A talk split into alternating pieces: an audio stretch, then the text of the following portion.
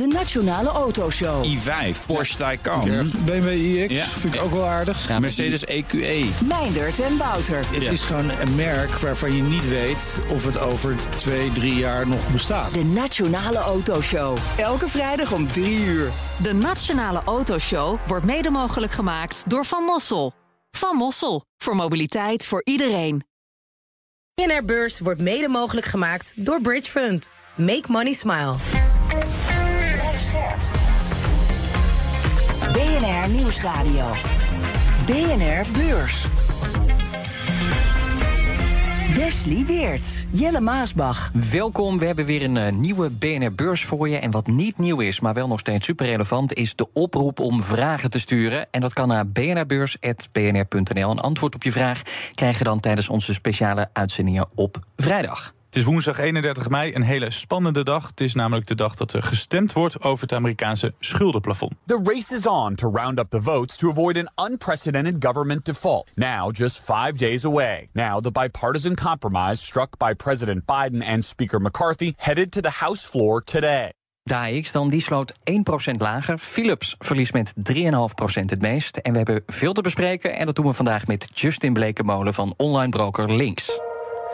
Straks hebben we het eh, over de banken. Die moesten miljarden uitgeven aan het toezicht op witwassen. Maar van de Nederlandse bank mag het nu wat minder streng. Zijn bankaandelen nu ineens interessanter? Dat is zo, maar welke andere verhalen zag jij eh, nog meer vandaag, Gillen? Ik zag dat eh, Jamie Dimon, een van de rijkste bankiers van de wereld, in China is. Nou, gisteren hadden we het al over Elon Musk, maar nu is dus ook de CEO van JP Morgan er. Voor het eerst sinds 2021. Zijn bank houdt er een conferentie in Shanghai. En hij begon gelijk met een excuses, want hij zei namelijk eh, eerder dat JP Morgan langer mee zou gaan dan de Chinese Communistische Partij. Nou, dat viel niet zo goed in China. Dat snap ik. Hij is er nu weer en doet gelijk aan diplomatie. Hij zegt dat China en de VS de banden weer moeten aanhalen. Dat de problemen tussen beide landen echt op te lossen zijn. Hij zegt: je gaat deze dingen niet oplossen als je gewoon aan de andere kant van de Stille Oceaan tegen elkaar zit te schreeuwen. Dus ik hoop dat we echt verbonden zijn. Dat klinkt wel eh, heel politiek. Nou, en daar deed hij dus ook een uitspraak over. Want hij ziet het best wel zitten om ooit eens president van de Verenigde Staten te worden. Hij zegt: met JP Morgan helpen we nu al veel mensen. Dat is mijn baan. Moest ik zelf om lachen. Ja. Krijgt hij trouwens ook goed voor betaald. Heeft meer dan anderhalf miljard dollar verdiend in vaste diensten. Nou, iemand die de afgelopen tijd vooral geld heeft verloren is Cathy Wood. Dat is de vrouw achter eh, investeringsbedrijf ARK Invest. Dat belegt in techbedrijven.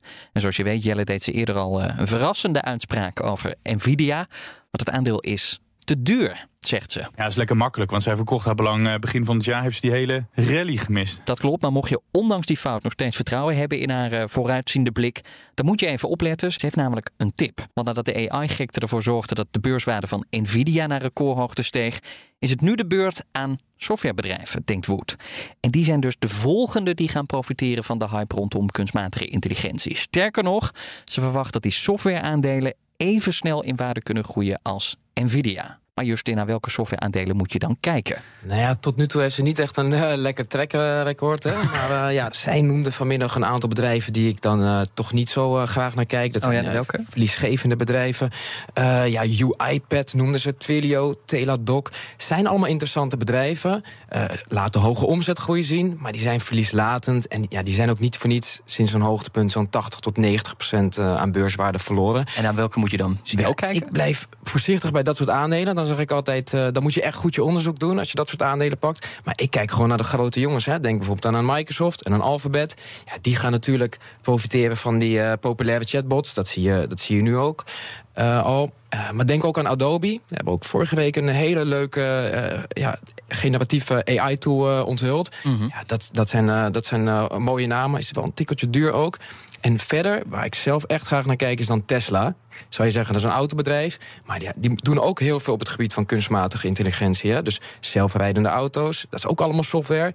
Ja, eigenlijk kan je zeggen dat die auto's steeds meer eh, rondrijdende computers worden. En eh, ja, Tesla is echt een pionier op het gebied van eh, ja, dat soort software. Ja, dan nog even een grappig onderzoek dat ik zag over de gemiddelde leeftijd van miljardairs. Hoe oud denk jij, Wes, dat de miljardair gemiddeld is? Nou, als je op TikTok kijkt, dan kun je met je dertigste al miljardair zijn. Maar ik denk dat die gemiddelde leeftijd wat hoger ligt. Zou rond de 50 liggen, denk ik. Ja, veel mensen denken eraan. Hè. Die denken aan Elon Musk of Mark Zuckerberg. Nou, relatief jonge rijkaards uit de tech, techsector die Justin net aanhaalt. Maar dat is een vooroordeel, want de gemiddelde leeftijd van de miljardair is 67. Zo hé. En komen de andere feitjes. Er zijn bijna 3200 miljardairs op de wereld. De meeste in de Verenigde Staten. Dik 40% is ouder dan 70.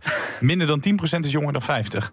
Dus ja, die extreme rijkdom die zit dan toch wel meer bij de oudjes. Ja, dan kun je er ook niet meer zo lang van genieten. Nou, en ik heb uh, meer nieuws trouwens rondom kunstmatige intelligentie. En wel over chipmachinemaker ASMI. Dat bedrijf wordt uh, geraakt door de exportbeperkingen naar China. Mm -hmm. Maar dat omzetverlies, dat wordt meer dan goed gemaakt... door de geëxplodeerde vraag naar AI-chips. En dat zeg ik niet, maar dat zegt de topman van uh, ASMI in een interview met Bloomberg. Vorige week zagen we natuurlijk dat Nvidia flink profiteert van die enorme vraag. En aangezien een groot deel van de chips wordt gemaakt met machines van ASMI, ziet ook ASMI het werk toenemen. En het bedrijf verwacht dat de chipmarkt zich vanaf volgend jaar gaat herstellen. En de verkopen zouden dan in 2025 zelfs hoger liggen dan in 2022. Straks hebben we het over Heineken. De supermarkten mogen niet meer stunten met de alcoholprijzen. Toch was Heineken op de beurs in de aanbieding. Of dat nu een goede aankoop is? Eerst naar de banken. Die hoeven minder streng te gaan controleren op witwassen. Dat spraken ze af met de toezichthouder, de Nederlandse Bank. En daar zijn de banken blij mee, want ze klaagden al een tijd over het keurslijf waar ze in zitten door alle witwasregels. Veel extra werk met enorme kosten. En volgens Helene Erftermeijer van de Vereniging van Nederlandse Banken kunnen we het nu anders doen. Met ruimte voor een meer risicogebaseerde benadering. En dat is wat we met deze NVB-standaarden doen. Heldere uitgangspunten om het klantonderzoek heel gericht en proportioneel uit te voeren, zodat bona fide klanten daar gewoon minder last, minder hinder van gaan hebben. Of Justin in Jip en Janneke taal, minder bureaucratie, maar ook meer risico. Zie, zie je daar ook een gevaar in? Um, een gevaar, nou, dat, denk ik niet. Op de afgelopen jaren is het eigenlijk heel streng geweest. Je zou kunnen zeggen misschien wel te streng. Hè? De, de wetgeving was ook een beetje onduidelijk eigenlijk. En zag je eigenlijk dat veel ja, grote banken zich toch maar als braafste jongetje van de klas uh, gingen gedragen. Ja. Dat volgt natuurlijk ook op het feit dat bijvoorbeeld in uh, 2018 ING nog een flinke boete heeft uh, gehad hè, van 900 miljoen euro. Ja, dat soort zaken wilden ze natuurlijk voorkomen. Um, ja, en nu zegt de toezichthouder eigenlijk in gesprek van nou, het mag toch wel iets meer iets, iets, iets simpeler eigenlijk. Dus krijg je iets meer vrijheid bij het in kaart brengen van klantenrisico's. En dan hoef je eigenlijk alleen nog maar klanten met hoge risico's echt aan intensieve controles te onderwerpen. Ja, en wanneer is dat risico dan heel hoog? Uh, nou, bijvoorbeeld uh, bij grotere bedragen. Je ziet nu bijvoorbeeld dat uh, ook ja, kleine particulieren of echt kleine bedrijven met hele lage bedragen ook al heel erg in, intensieve controles krijgen. Dan krijgen ze hele moeilijke vragen. En je ziet ook dat dat ja, tot frustraties leidt bij klanten. bovendien moeten ze het overal doen. Hè. Dus je moet het bij de bank doen. Maar ook bijvoorbeeld als je gaat beleggen bij ons, bij Links, als broker. Ja, wij zijn ook verplicht om al dat soort zaken in kaart te stellen. En die strengere witwascontroles, die kosten ook geld. Hè, miljarden in het geval Ja. van de Ja. banken. Dat drukt ook op de winst.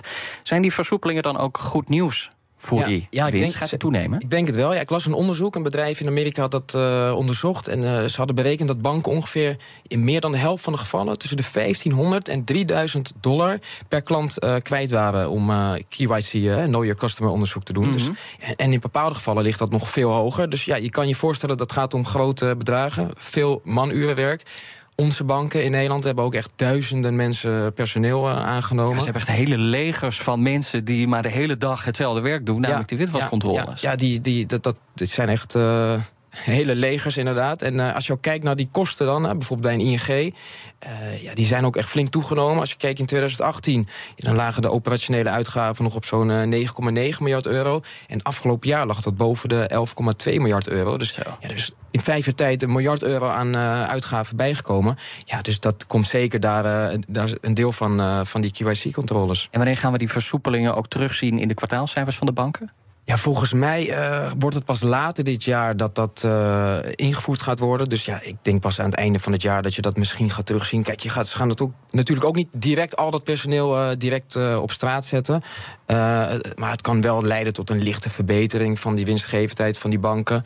En in ieder geval ook tot minder onnodig werk en minder frustratie bij klanten, denk ik ook. Maar uit je woorden blijkt dat je niet echt een enorme ontslaggolf verwacht. Maar denk je dus wel dat een deel van die mensen eruit gaat? Een deel wel, ja. Het, is, het loopt nu gewoon de spuigaten uit, hoor. De afgelopen jaren waren de, waren de KYC-analisten eigenlijk niet aan te slepen. Ik zei het al, eh, duizenden mensen aangenomen. Eh, bij links hebben we ook eh, veel nieuwe collega's mogen verwelkomen. Dus ja, ik denk dat zeg maar... Je kan nu ook niet zeggen dat die er allemaal uitgaan. Dan ga je eigen collega's. Nee, daar, daar ga ik niet over. Maar ja, ik, bij de banken zijn dat natuurlijk gewoon echt ook heel veel op eh, ingehuurd via uitzendbureaus Hè, dus daar kan je op zich wel wat makkelijk vanaf. Ik denk dat ze dat ook wel met een bepaalde reden gedaan hebben. Je had het net al over die schikking van ING van honderden miljoenen euro's, omdat die witwascontroles toen niet op orde waren. Maar ben je toch niet bang dat banken opnieuw de fout ingaan met dat toezicht op witwassen? Want hoe je het ook bent of keert, ze hoeven nu minder intensief te gaan controleren. Ja, kijk, maar in het verleden was het eigenlijk, uh, werd er bijna niet gecontroleerd. En zou je bijna kunnen zeggen dat hè, misschien sommige Zwitserse banken zelfs uh, een oogje dichtknepen. Uh, ja, ik denk dat er nu wel een en ander veranderd is op dat gebied. En ja, ik denk dat het gewoon nutteloos is natuurlijk om hele kleine klanten met een inkomen van ja, niet noemenswaardig zo uitgebreid te gaan controleren. Dus ja, daar, daar ga je niet de grote boeven mee vangen. Dus, Voor grote megapoeters vrees je in ieder geval niet op korte termijn. Nee, nee. Nou kwam de Nederlandse bank nog met een andere aankondiging. Want de toezichthouder dwingt banken om hun buffers te verhogen. En dat moet ze weerbaarder maken. En ervoor zorgen dat banken ook beter tegenslagen kunnen opvangen. Nou horen we de hele tijd dat we ons geen zorgen hoeven te maken. En dat we niet hoeven te vrezen voor Amerikaanse toestanden. Onze banken staan er beter voor. Dat wordt dan de hele tijd gezegd. Maar waarom worden banken dan toch gedwongen tot die hogere buffers? Ja, ik denk toch dat dat wel voortvloeit uit die onrust die we de afgelopen maanden hebben gezien in, uh, in, in, de VS. Ja. En uh, ja, dat is natuurlijk ook deels overgewaaid hè, naar, naar Europa dan hè, met UBS. -hmm. En ja, die buffers zijn al aangescherpt hè, sinds de financiële crisis in 2008. En ze zijn ook voldoende gebleken voor de rest de afgelopen periode. Maar ja, ze worden gewoon nog iets uh, verder aangescherpt. Maar welke risico's die DNB dan op dit moment? Nou, ze hebben het geloof ik gehad over ja, de economische, eventuele economische crisis die, die nadert. ze zagen ook dat beleggers wat risicovoller gedrag vertoonden op de, op de financiële markten. Ze wijzen ook op dalende vastgoedprijzen. Dus ja, er hangt natuurlijk nog wel wat boven de markt. Hè. Hoge inflatie. Wellicht dus een economische recessie. In Duitsland zagen we het vorige week al, hè, een, een nipte economische recessie. Ja, ik denk dat het gewoon uit voorzorg is ook. BNR Beurs. Dan naar de vrienden op Wall Street. Alles in het rood. De Dow Jones verliest 0,7% De S&P 500 staat 0,8% lager. Geldt ook voor de Nasdaq. Eén aandeel dat me opvalt, ik kende het tot voor kort niet. Advance Auto Parts, dat wordt gedumpt. Ik kom zo met de uitslag. Dat is een bedrijf dat auto-onderdelen maakt, je raadt het vast al. Ze maken wel veel minder winst dan was verwacht. En ze geven even wat minder dividend uit ruim 80% minder. Dat valt oh. even slecht bij beleggers. En het aandeel staat nu 35% lager. Is op weg naar de grootste daling uit de eigen geschiedenis. Nou, dat valt wel echt slecht bij beleggers. Erg, ja. Nou, veel chipaandelen die staan ook lager vandaag. Maar Intel beweegt precies in tegengestelde richting en krijgt er bijna 4% bij. Beleggers die drukken dus op de koopknop. En dat heeft te maken met optimistische vooruitzichten. Intel meldt namelijk dat de cijfers over het tweede kwartaal waarschijnlijk aan de bovenkant van de eerder afgegeven prognoses uitkomt. Goed nieuws. BNR Beurs. En dan gaan we het hebben over bier, over de grootste en de op één na grootste bierbrouwer van de wereld. Om te beginnen met die laatste, Heineken. Dat koopt aandelen van zichzelf in van aandeelhouder FEMSA. Dat is een Mexicaans bedrijf dat dit jaar voor miljarden aan aandelen aan het verkopen is. FEMSA is selling around 3.3 billion euros worth of stock in Heineken. They did actually approve a deal to sell a bunch of shares only in February this year, and that's a continuation of that one. Ja, hij heeft het er al over. Eerder dit jaar, toen verkochten ze ook al aan Heineken zelf, maar ook aan miljardair Bill Gates. Nou, het aandeel uh, ging naar beneden omdat uh, beleggers schrikken, want uh, Justin wordt er niet verkocht met een veel te grote korting. Nee, dat is eigenlijk uh, vrij normaal hoor, als je onderhands verkoopt. Uh, want ja, als je dit belang op de beurs moet gaan verkopen, ja, dan drijf je natuurlijk ook de koers uh, mm. omlaag met verkooporders. Dus ja, als je dan onderhands aan elkaar verkoopt, dan is het normaal dat er met een kleine korting wordt gekocht. maar dat zorgt natuurlijk wel voor wat onrust bij beleggers. Want ja, dit is maar een klein deel wat Heineken nu koopt, hè, van, uh, van zo'n 10 Ja, die andere 90% daar moet nog een koper voor worden gevonden. Ja, en als die er niet komt, dan zal je zien dat ze uiteindelijk misschien toch wel die stukken op de beurs gaan aanbieden. En dat kan natuurlijk leiden tot meer verkoopdruk. En je ziet dat beleggers daar bang voor zijn. En dus ook uh, de stukken Heineken in de uitverkoop doen. Maar een paar euro minder dan de slotkoers van gisteren gaat om een korting van meer dan 12% Klinkt mij als een best wel forse korting die ze dan meegeven. Ja, maar het, het, ja, het gaat natuurlijk ook wel om een, een, een fors bedrag. Als je kijkt naar, de, naar hoeveel uh, aandelen er per dag worden verhandeld uh, in, in Heineken. Ze hebben 575 miljoen uh, aandelen vrij, die vrij verhandeld worden. En per dag worden ongeveer 600.000 stuks verhandeld. Nou ja, als zij dus al die stukken kwijt willen, ja, dan zijn ze een aantal maanden vol aan het verkopen. Dan moeten ze dus wel een, een korting ja, het, het, is gewoon ook echt behoorlijk bedrag. Hè. Ze hadden een belang van zo'n 8% in Heineken. Dat is, dat is niet niks. Waarom wil de familie Heineken die aandelen zo graag uh, zelf hebben? Nou, ik denk dat ze misschien een goed voorbeeld uh, willen geven aan, uh, aan andere kopers. dat ze misschien zeggen, nou, kopen wij ook een, een stukje bij. Ja, ik, ik, ik, ik, weet de reden daarvan eigenlijk niet. Nee. Ja, ze kunnen ook wachten op een andere rijkaard die het koopt, zoals een Bill Gates. Ja. Of zouden ze misschien de macht niet willen delen? Dat kan natuurlijk ook. Nou, zelf hebben ze sowieso meer dan de helft van de aandelen in handen al. Dus daar hoeven ze zich niet zo druk om te maken. Maar... Nu uh, dus even druk op die beurskoers. Maar wat betekent dat op de langere termijn als je Heineken belegger bent? Is het uh, goed dat die uh, aandelen nu deels terug zijn bij de familie? Dat er wat rust komt? Ja, kijk, die, die stukken Heineken waren natuurlijk wel verspreid inderdaad over een aantal bedrijven zoals dat FEMSA. ja, meer aandelen in eigen handen is altijd wel goed. Hè? Dan kan je meer ja, duidelijke richting geven vanuit jezelf. Um, maar het aandeel, ja, wordt nu best wel hard afgestraft, vind ik. Terwijl het eigenlijk de afgelopen maanden best wel fors was uh, opgelopen. En ja, nog steeds wel aantrekkelijk gewaardeerd is, uh, vind ik eigenlijk. Ja, het is ook een interessant aandeel, zeg jij dus. Ja, het, het, handelt nu op zo'n 20 keer uh, de verwachte winst voor dit jaar en 17,5 voor volgend jaar. En daarmee is het ten opzichte van de brede markt relatief goedkoop. En zeker gezien het, het defensieve karakter van, uh, van de sector. Het is natuurlijk een aandeel, uh, een bedrijf dat ja, de bier blijft wel verkopen. Hè, ook tijdens een economische recessie. Nou, ook uh, hebben ze laten zien dat ze met die hoge inflatie de prijs hebben kunnen verhogen. Dus ja, ik vind het op zich wel een interessant aandeel. We hebben het heel vaak in de uitzending geweest over Hollands trots. Dan hebben we het natuurlijk over ASML. Ja, hè? jij vooral. vooral vind ik het altijd wel mooi. Is Heineken ook zo'n Hollands trots? Nog steeds?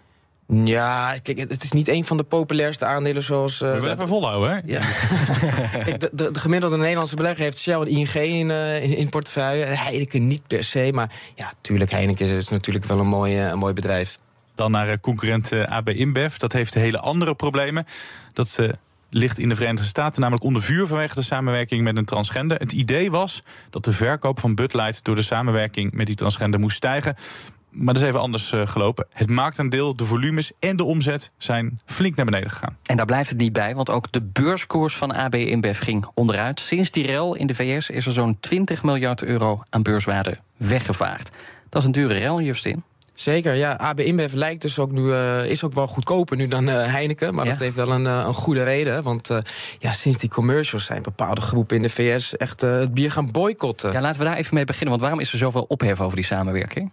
Um, ja, vanwege het feit dat het bier toch wel goed verkocht wordt in de VS bij best wel een conservatieve achterban. Ja, en, en, nu zie je echt in die staat in het midden van de VS dat uh, ja, zelfs borden langs de weg uh, rode kruisen doorheen zijn uh, getekend en dergelijke. Kun je niet voorstellen. Nee, nou, en Bud Light is echt het, het, ontzettend populair. Hè. Het, is het, uh, het was het meest gedronken bier uh, in de VS. Marktleider, ja. Uh, maar het is dus ook een, bier dat, een biertje dat echt gedronken wordt door het conservatieve Amerika. En ja, ze hebben het massaal geboycott. En we zien zelfs dat de, de verkopen tot wel 30% teruglopen. Maar is die 20 miljard aan beurswaarde die verloren is gegaan... helemaal toe te schrijven aan deze rel? Of spelen er nog meer zaken die echt wel die beurskoers omlaag hebben gedrukt? Zover ik weet gaat het echt hierom. want andere biermerken, ja, wat ik zei, Heineken was juist bezig aan een, aan een, aan een herstel. Uh, AB InBev ja, draait best wel lekker. Maar het is onzeker in hoeverre de omzet geraakt gaat worden door, door dit uh, ene biertje natuurlijk. Daar gaan we achter komen medio augustus. Dan komen de, worden de halfjaarcijfers bekendgemaakt. Want het is niet helemaal uh, helder hoeveel procent van de omzet uh, van uh, Bud Light komt. Dus ja, beleggers maken zich in ieder geval wel zorgen. Dat zien we nu terug.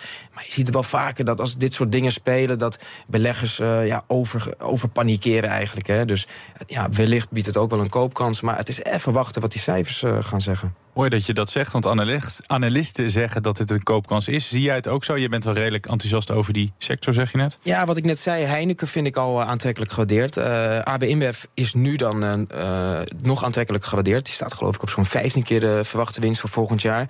Um, maar het is toch even afwachten hoeveel die winst echt gaat zijn... als, dat, als die Bud Light verkopen echt zo uh, dalen. Maar ja, als je afwacht, dan gaat die, als het meevalt... gaat die beurskoers weer omhoog, dan is die koopkans ja, dat, weg. Dat, dat is een risico dat je, dat je, dat je kunt, afweging die je kunt maken. Nu lijkt het dus goedkoop, maar... Uh, het is afwachten. Ja, maar hoe komen ze volgens jou uit deze PR-hel? Wat is daar voor nodig? Ja, dat is toch lastig te zeggen. Van, uh, hoe, hoe, lang blijven, hoe lang blijven die Amerikanen uh, boos hè, op, het, uh, op, op, het merk? Het, ja, wie, wie, weet loopt het wel de spuigaten uit... en moeten ze het merk stopzetten of rebranden of iets dergelijks. Ja. Maar het kan ook zomaar zijn dat het niet zo, de soep niet zo heet gegeten wordt... en dat uiteindelijk iedereen toch dat bier weer begint te kopen. Is wel iets waar je als belegger misschien niet gelijk rekening mee houdt. Hè? Dat het bedrijf ontzettend succesvol ergens is, iets nieuws uittest en dan een samenwerking met iemand aangaat en nou, dat die transgender dus even verantwoordelijk is. Nou, dat, dat is, zo bedoel ik het niet, maar dat ja. dat misloopt en dat dat die ophef verantwoordelijk is voor die uh, daling van 20 miljard aan beurswaarde. Ja, het is, het is echt fors. En uh, dat, ja, dat zo'n kleine marketingcampagne voor zo'n uh, forse uitgeleide kan zorgen, dat, dat is toch ook wel een, een, een, nieuwe risico eigenlijk, waar bedrijven in, in de huidige tijd, uh, tijdsperk ook rekening mee moeten houden. Nou, ik kan me herinneren dat die topman, dat is inmiddels alweer weken geleden, dat was net na die rel, zei van ja goed, er zijn elke dag wel uh, van die relletjes en elke dag gaat het om een ander bedrijf. Die maakte zich toen ja, nog niet zo'n zorgen. Misschien wel onderschat? Ja, misschien. Ja, denk je dat? Ja, daar lijkt het tot dusver wel uh, op. Het, het, lijkt wel alsof het echt, ja, het is echt een beetje een trend geworden is. Allemaal, misschien hebben mensen elkaar een beetje opgejut ook in, uh, in de VS. En ja, ik verwacht eigenlijk dat het wel weer uh, deels goed gaat komen. Dat vaak op bij die waarschijnlijk, waarschijnlijk drinken die mensen in de VS nu een ander biertje van een ander merk... wat waarschijnlijk ook van AB InBev is. Dus, Dit was de beursdag van woensdag, nu naar die van morgen. Een nieuwe maand, een nieuwe dag met beursnieuws. Het is trouwens ook de Wereldmelkdag. Doe ermee wat je wilt. En de dag dat toezichthouder de Nederlandse Bank zelf een toezichthouder krijgt. Oud-politicus Marten van Rijn wordt namelijk voorzitter van de Raad van Commissarissen en moet gaan toezien op DNB. Ook zijn er kwartaalcijfers deze dag. Je krijgt de kwartaalcijfers van Macy's, van Dell en van Broadcom. Nou, dit was onze vooruitblik op morgen, maar waar ga jij de komende dagen op letten, Justin? Ja, er zijn nog wel een aantal leuke macro-economische cijfers. Uh, morgen inflatiecijfers uit de eurozone. Dat is spannend natuurlijk, want die bleef toch wel hoog hangen de vorige keer. Wordt nu weer verwacht dat die rond de 7% uh, blijft hangen. Dat is natuurlijk belangrijk voor het, het monetaire beleid van de ECB. Uh, verder in de VS krijgen we werkloosheidscijfers. Morgen van ADP, veilig vanuit de Amerikaanse overheid. En ook daar wordt natuurlijk uh, goed naar gekeken. Want vorige keer ja, nam dat werkloosheidspercentage verder af. En dat is juist een grote zorg van de, van de Amerikaanse centrale bank. Want uh, die, die arbeidsmarkt blijft ontzettend sterk. En ja, dat is natuurlijk nadelig voor de inflatie. Nou, wij gaan dat ook in de gaten houden. Dankjewel, Justin Blekemolen van Online Broker Links. En jij bedankt voor het luisteren. Tot morgen. BNR Beurs wordt mede mogelijk gemaakt door Bridge Fund. Make money smile. BNR Headlines. De hele dag binnen- en buitenlandse politiek. In Nederland hebben we geen munitiefabrieken. De hele dag economie. Vijf dagen in de week bezorgen, dat kan niet uit. De hele dag technologie. Amerikanen weer op de maan. Heb je eigenlijk geen tijd, maar wil je toch op de hoogte blijven? BNR Headlines. Het laatste nieuws, maar dan in het kort. Ga naar je podcast-app en abonneer je op BNR Headlines.